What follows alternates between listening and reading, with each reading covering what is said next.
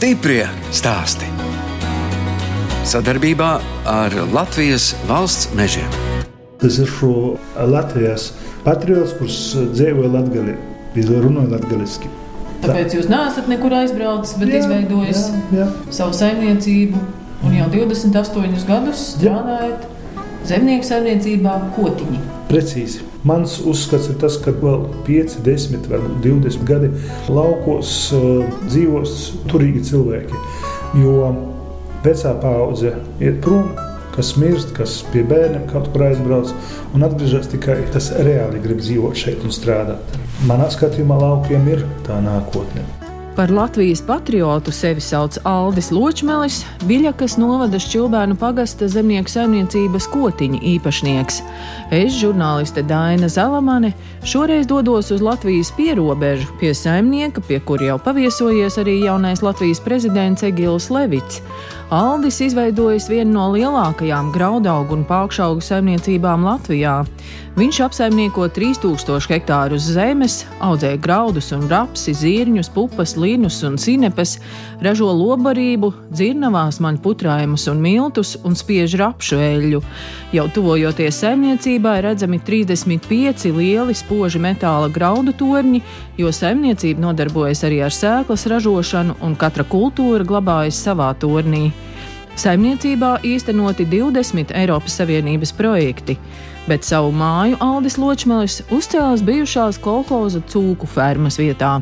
2000. gadā mēs pārgājām tur dzīvot, tur vispār tāds kārtīgs hauss bija iedomājieties cūku ferma. Vairs nekas nav palicis no cūku fermas, pat ne smaka. Jā, pat smakas nav. Jā. Un, uh, Gribējās dzīvot atsevišķi, un trīs stāvu mājā negribējās dzīvot. Bet te privāti māju paši uzbūvējāt. Ja? Jā, tā ēka bija kā administratīvā telpa, un kā mēs tur sakopam. Tāpat uz vietas es arī esmu dzimis un audzis un dzīvoju līdz kādiem 13 gadiem viensētā, un tad tevis nopirka māju kolhoza centram tuvāk. Bērnībā bija kaut kādi arī darbi, kas jādara. Visi darbi, kas bija jādara viensētā. Vasarā gan jau govis, telītes tur ganījām, nu, palīdzēt mammai sakārtot, lai būtu aploki. Visi darbi, kas mājās bija jādara. Jūs esat vienīgais dēls? Jā. Bet divas māsas ir. Rāvēt nevajadzēja, to darīja māsas. To darīja māsas, jā, nu man vajadzēja kaut ko savādāk pie siena un atvest, aizvest kaut ko. Darba pietiek laukos.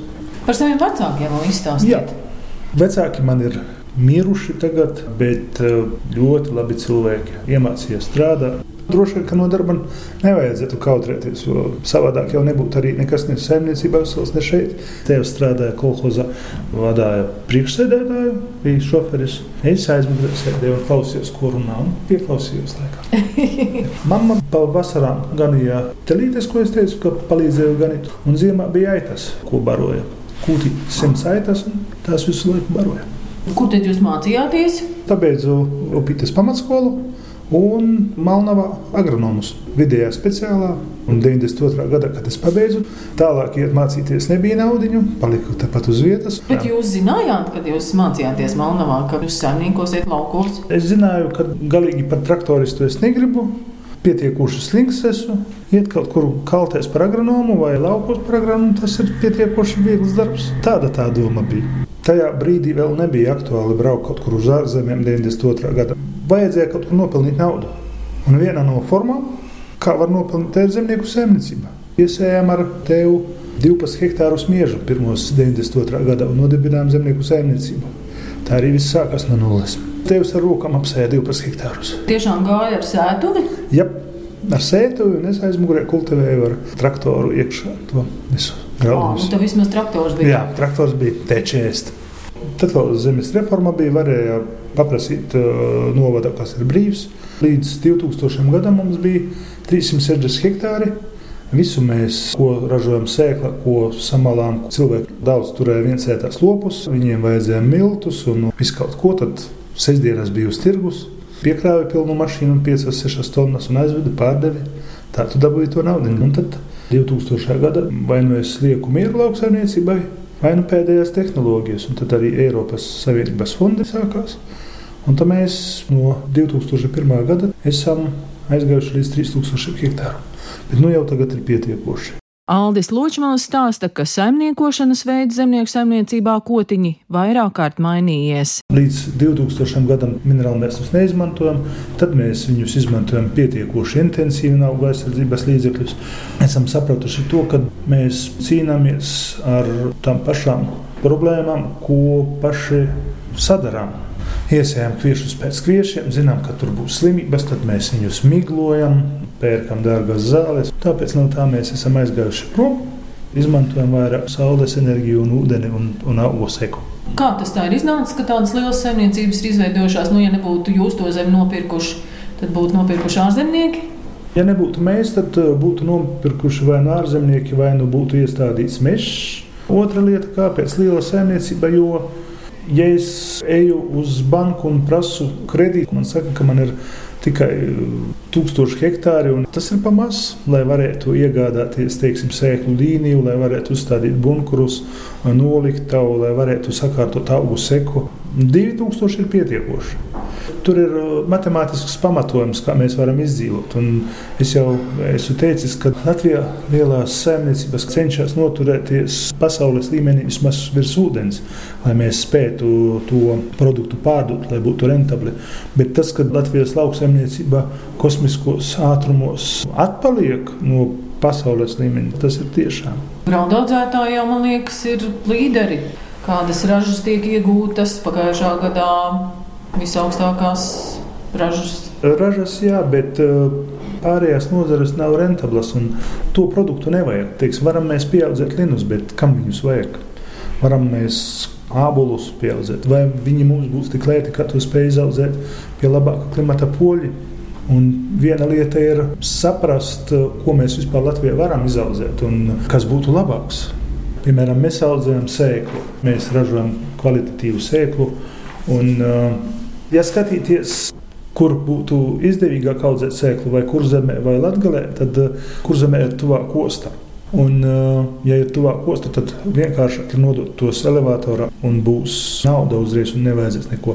Bet Latvijā mums līdz ostai tomēr ir 250 km un mums tas sadārdzinājums uz vienu graudu tonu sanāk 15 eiro transportam. Un šajā pusē mums vajag maksimāli daudz pārstrādi. Sēkla, pārtika, lobarība, mēģinām visu pārstrādāt. Un, uh, ka mums ir pārstāde, mēs uh, bišķi, bišķi vairāk nopelnām par to graudu tonu nekā vienkārši aizvedot uz ostu. Bet, uh, Kaut arī saimniecībai tagad ir 28 gadi, tajos 28 gados nav iespējams iegādāties visu to zemi, nekustamos īpašumus, traktoru tehniku, iekārtas, viss, kas ir vajadzīgs. Ja uzsākt pilnīgi no nulles un audzēt kartupeļus, vai bietes, vai burkānus, tās zemes ir pilnīgi pietiekošas.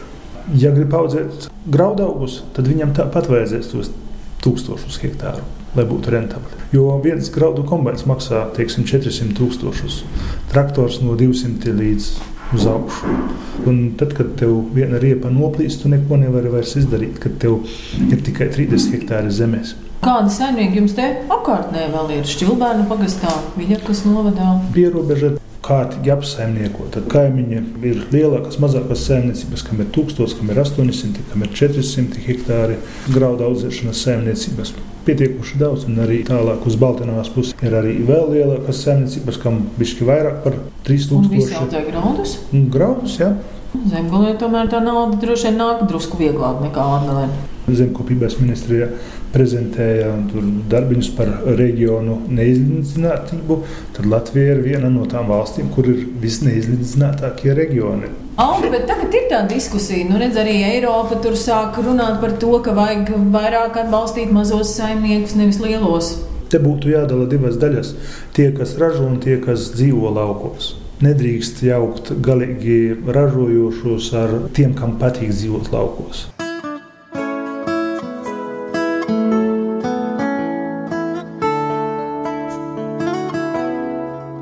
Jūs klausāties raidījumu stipri stāstī. Turpinu ciemoties Viļakas novada šķilbēnu pagasta zemnieku saimniecībā Kotiņa pie Alda Ločmeļa. Viņa saimniecība ir viena no modernākajām Latvijā, un tajā īstenoti ap 20 Eiropas Savienības projekti, uzcelta kalte, sēklu rūpnīca un dzirnavas. Kotiņos no graudiem, zirņiem un pupām ražo produktus ar pievienoto vērtību. Ja mēs gribētu pārdot vienkārši produktu, tad mums būtu jāražo tas produkts tā, kā ražo citi. Industriāli, ātri sagatavoju, pārdevi, kurus dārgāk iedeva, tam arī atdeva. Mēs gribam pārdot produktu, kam ir um, izsekojamība, kam ir stāsts, kam ir kvalitāte. Un tāpēc arī mēs rādām gan ekskursijās, gan arī seminārus veidojam, ka laukos var dzīvot arī bišķi savādāk. Ne visiem jābūt zābakos. Vadības pults, nu tas jau kā kosmosa kuģī gandrīz. Lai varētu iedarbināt visas mašīnas un kontrolēt, bet nav datorsistēmā, bet ir manuāli vadāms, lai mazāk būtu kādu nepatikšanu, lai nav tā, ka kaut ko mēs datorā saslēdzam, kaut kas savienojas, kaut kas nesavienojas. Tur deg daudz sarkanas lampiņas, tas nekas, jā. Tur, kur zaļa, tur ir vaļā. Vai nu graudu plūst no viena torņa uz bunkuru uz otru bunkuru vai uz tīrīšanas iekārtu. Mēs iztīrām, teiksim, noņemam īsākos, garākos, resnākos, tīrievākos pēc svara un pēc tam, kad tas viss ir iztīrīts. Augšā stāv mums krāsu šķirotājs, ar ko mēs varam iztīrīt vēl pēc toņa un formas. Kāpēc to visu vajag tik smalki darīt? Lai tā sēkla būtu tīra. Ja mēs paskatīsimies, teiksim, ja mums ir kviešos, iekšā ir mieži, ļoti vienkārši, ja viņus sajauc kopā, tad viņus pēc formas un toņa var atšķirt. Un šeit ir no rudziem ir notīrītie tie, kas ir vai melnāki, vai zaļāki, vai dzeltenāki graudi, kas aiziet pārtikai viss pārējais. Piemēram, kviešos ir griķi, griķi audzes, viss tiek notīrīts. Paliek perfekti tīrs. Te jau ir tā kā dzirnavās. Tie arī ir dzirnavas. Tātad tur iztīram graudiņus, nezāļu sēklas, to mēs vedam uz katlu māju sadedzinam, apkurinam telpas. Škeltie graudiņi, kas ir labi, tos vedam uz pārstrādi, lobaribu, sēkla un tad vēl pārtika. Te mums ir Japānā pirktas iekārtas. Mēs ražojam miežu pēļu grūbas, lobam pupas, lobam zirņus, noņemam čauliņu, apelsīnus, pupu zirņu miltus un rudzu miltīru un spēlties kvieši.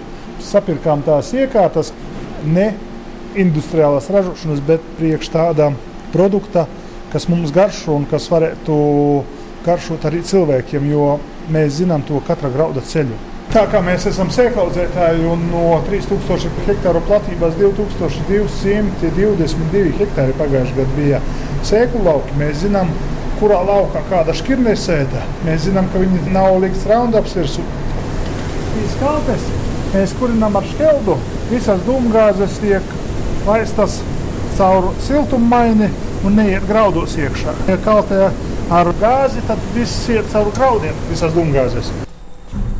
Te ir darbnīcas, te arī prezidents sēdēja pieņēma tieši šajā telpā. Tagad miglotājs stāv.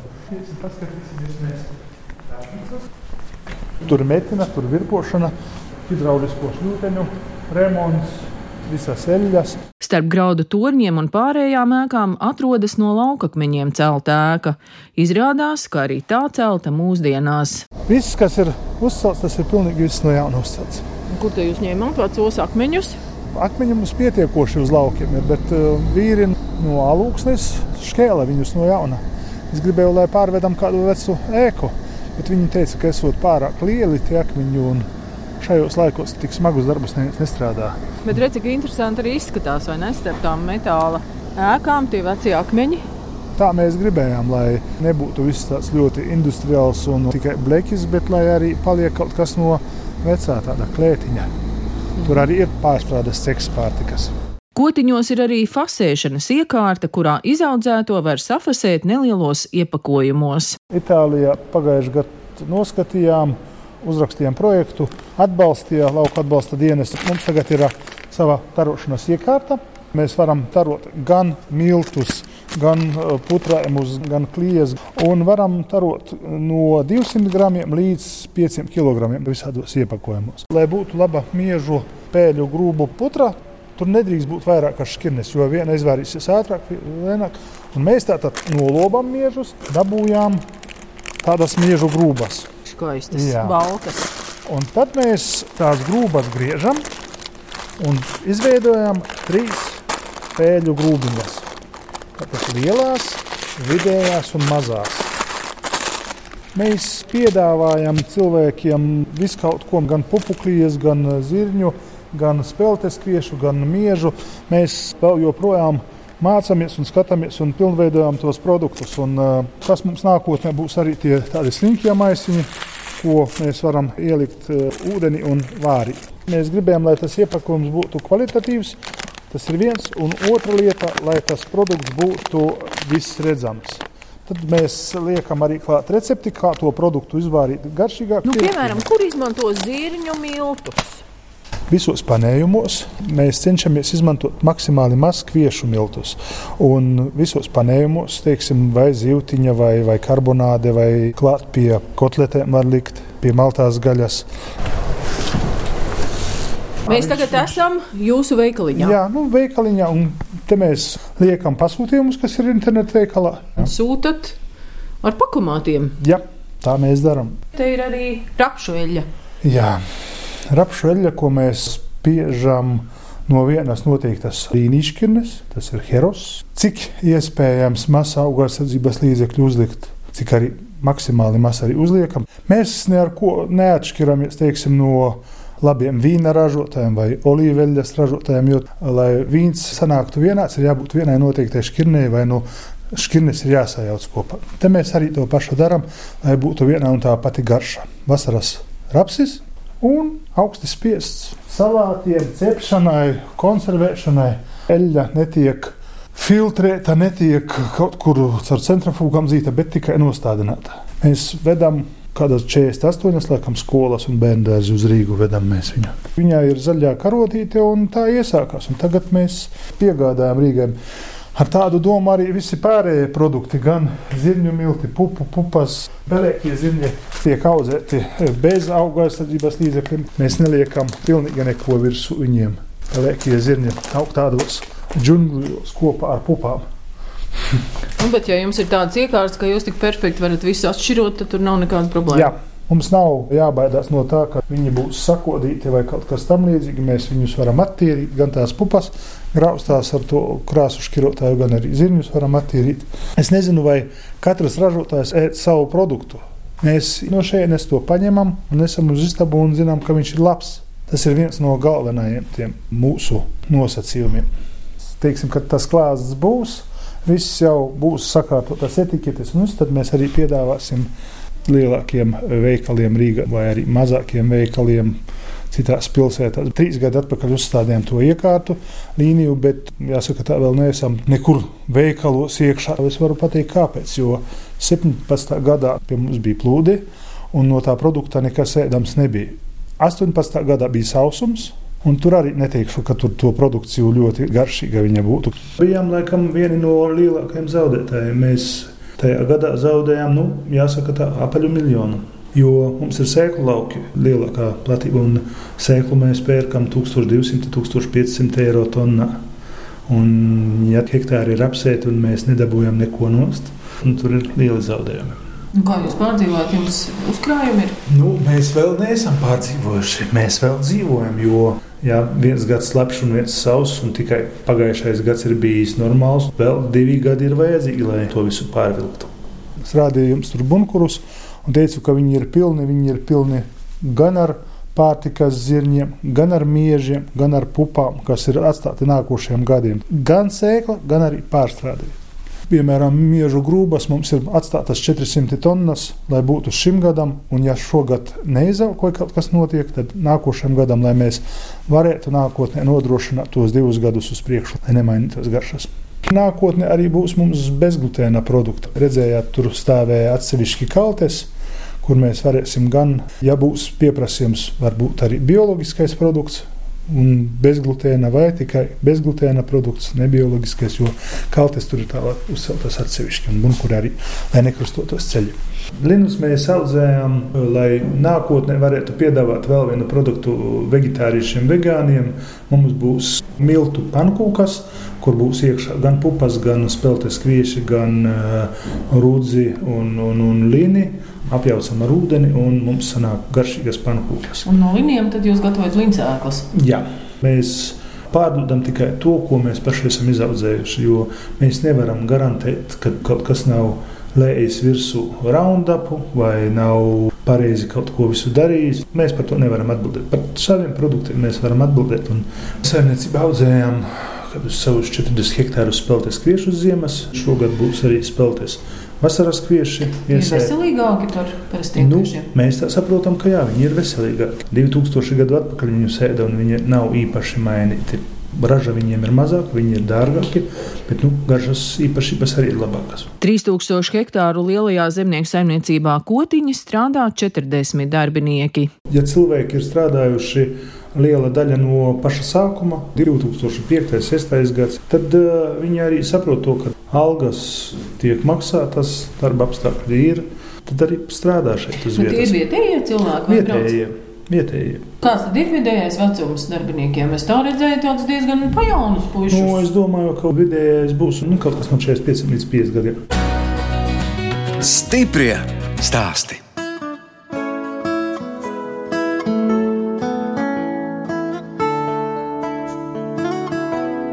Skan raidījums stipri stāsti. Šoreiz ciemojos Viļakas novada Šķilbēnu pagasta zemnieku saimniecībā Kotiņa pie Alda Ločmeļa. Aldim par sevi daudz stāstīt nepatīk, viņš labprātāk runā par darbu, bet vēl stāsta par saviem trīs bērniem, meitām Paulu un Evelīnu un dēlu Marku. Paula mācās tagad Rīgā, Universitātē. Mums tur speciālists būs Pauls Stradiņā. Nu, tad jums noderēs saimniecībā viņas zināšanas. Jā. Tāpēc jau skolojiet, vai ne? Ja viņai tas interesē, mēs varam piedāvāt to darbu. Evelīna mācās Reizeknē valsts gimnājā, pirmajā. Tagad ir 12 klases, jā, tad 11. mācās. Viņa grib kaut ko saistīt ar matemātiku. Bet tad jau redzēs, kas viņai vairāk iepatiksies. Un Marks mācās Rekavas vidusskolā, saucās, bet nu, 8. klasē. Un Markam tehnika arī interesē. Interesē droši vien, ka visiem zēniem tehnika, bet viņam no mazām dienām es esmu atļāvis, teiksim, braukt uz kaut kāda noteikta traktora vai uz mašīnas. Nav tā, ka es visiem strādājošiem atļauju braukt ar to lielo traktoru, kam ir 600 zirgi un kultivators, kam ir ā, 12 metru platuma, bet nu, viņš šogad ar to strādāja savos 14 gados. Tad jau var uzticēt. Jā. Vienu dēlu jau vajag, ar kuru var tās puikas lietas izrunāt. Puikas lietas var arī ar citiem puišiem izrunāt pagaidām. Nu, ja man prasa par bērniem, vai viņi būs saimniecībā vai nebūs, vai strādās vai nestrādās, mēs esam veidojuši saimniecību tādā veidā, lai būtu funkcionējošā, neatkarīga no nekā.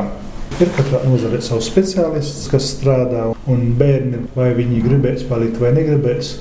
Ja es būšu slikti iemācījis, tad viņi arī nepaliks šeit. Kādi jums ir vaļasprieki? Lauksaimniecība pagaidām. Tikai un vienīgi. Tikai un vienīgi. Daudz paiet laika. Protams, patīk paslēpot, aizbraukt uz kalniem un pamakšķerēt. Visi vaļas prieki ir labi. Sieva droši vien ļoti aizņemta, tā kā šodien. Jā, viņa, Atskrien, aizskrien. jā.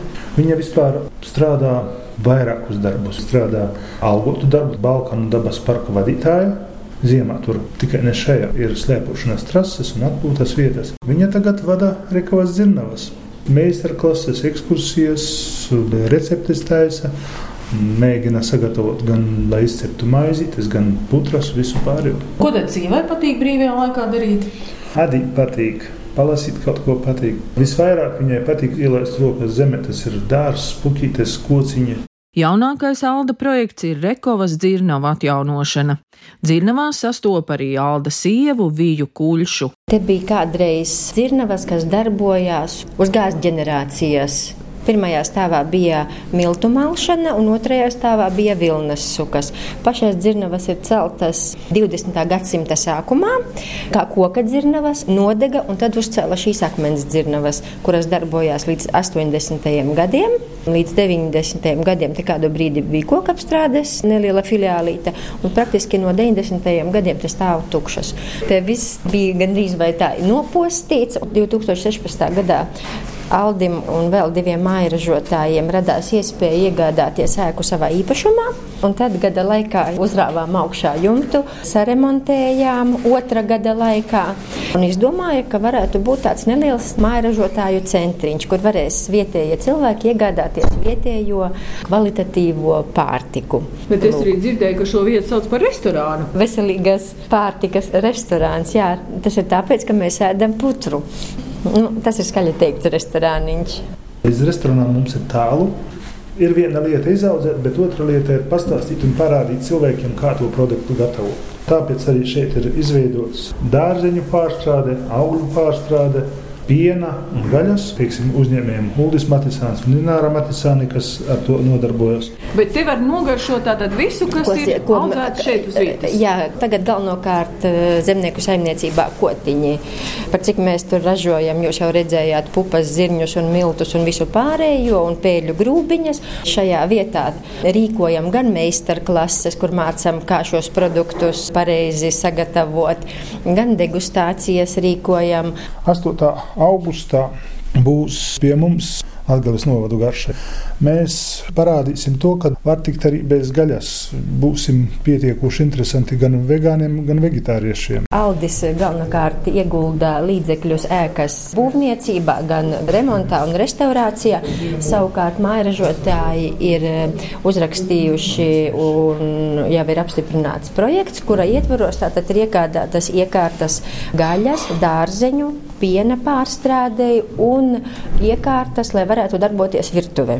Tad tomēr gaļas pārstrāde arī, jo Aldis jau mums stāstīja, ka tur par vegāniem tiek domāts un par tādām lietām. Jā, bet nav jau tā, ka mēs strādniekus nebarojam. Jā, tieši tā. Mēs veiksmīgi sakombinējam kopā gan pākšaugus un, un graudaugus, gan arī gaļu, bet mēs galvenokārt ar lielopu strādājam.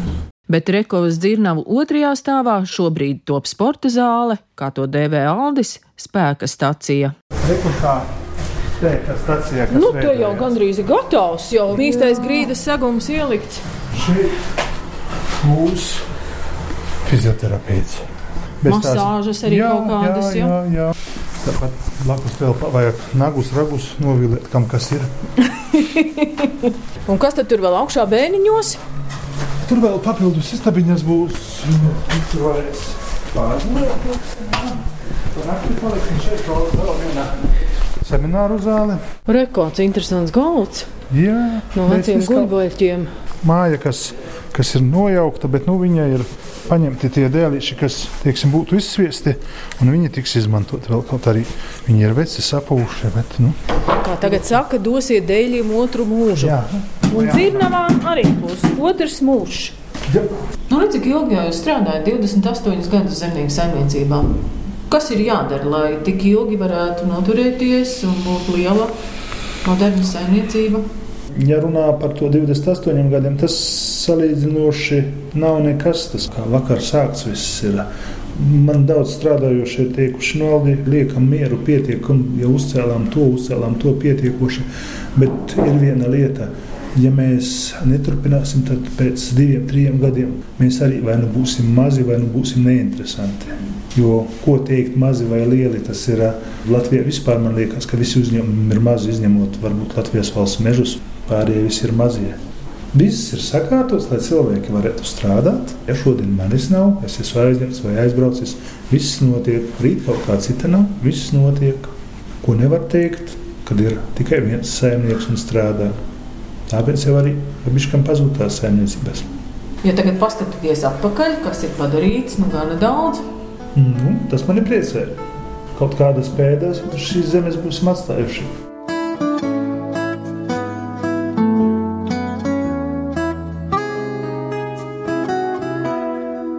Raidījums stipri stāst izskan, un es atvados no Alda Ločmeļa, kas pirms 28 gadiem Viļakas novada Šķilbēnu pagastā izveidoja zemnieku saimniecību kotiņi. Saimniekošanu sāka ar 14 hektāriem, bet tagad kotiņos apstrādā 3000 hektārus. Aldis Ločmelis audzē graudus un rapsi, zirņus, pupas, linus un sinepes, dzirnavās maļputraimus un miltus, gatavo lobarību un spiež rapšu eļļu. Saimnieku jaunākais projekts ir Rekovas dzirnavu atjaunošana, kur var arī nogaršot grūbu un citus ēdienus. No jums atvedās žurnāliste Dāna Zalamane un operātore Inga Bēdele, lai tiktos atkal tieši pēc nedēļas.